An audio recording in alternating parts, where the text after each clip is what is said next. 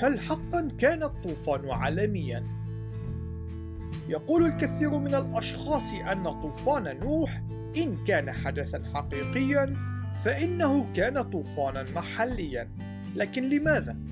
لأنهم يعتقدون أن عالمنا يبلغ من العمر عدة ملايين من السنوات وفق هذه الرؤية ستمثل المستحاثات المتموضعة في الطبقات الصخرية ظهور أشكال جديدة من الحياة على مدى العصور الزمنية المتعاقبة.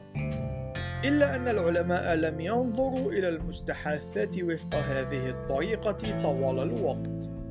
قام رواد علم الجيولوجيا من أمثال نيكولاس ستينو بالربط بين المستحاثات المدفونة في الترسبات الطينية الناجمة عن المياه وبين طوفان نوح إن الأفكار مترابطة كما هو حال العائلات.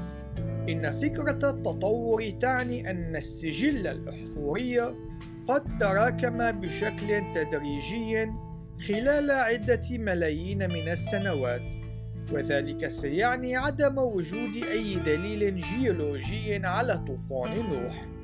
وبالتالي فإن المسيحيين الذين يؤمنون بالتطور أو ملايين السنوات الجيولوجية مضطرين إلى التمسك بالطوفان المحلي.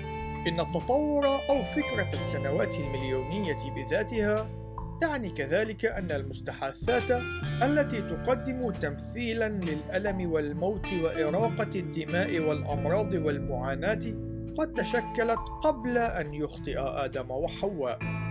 وبالتالي ماذا كان مقصد الله حين وصف خليقته المكتملة بأنها حسنة جدا؟ إن التطور يعني أن الموت والمعاناة ليست نتائجا للخطيئة. هذا الأمر سوف يتسبب بتدمير معنى موت وقيامة المسيح.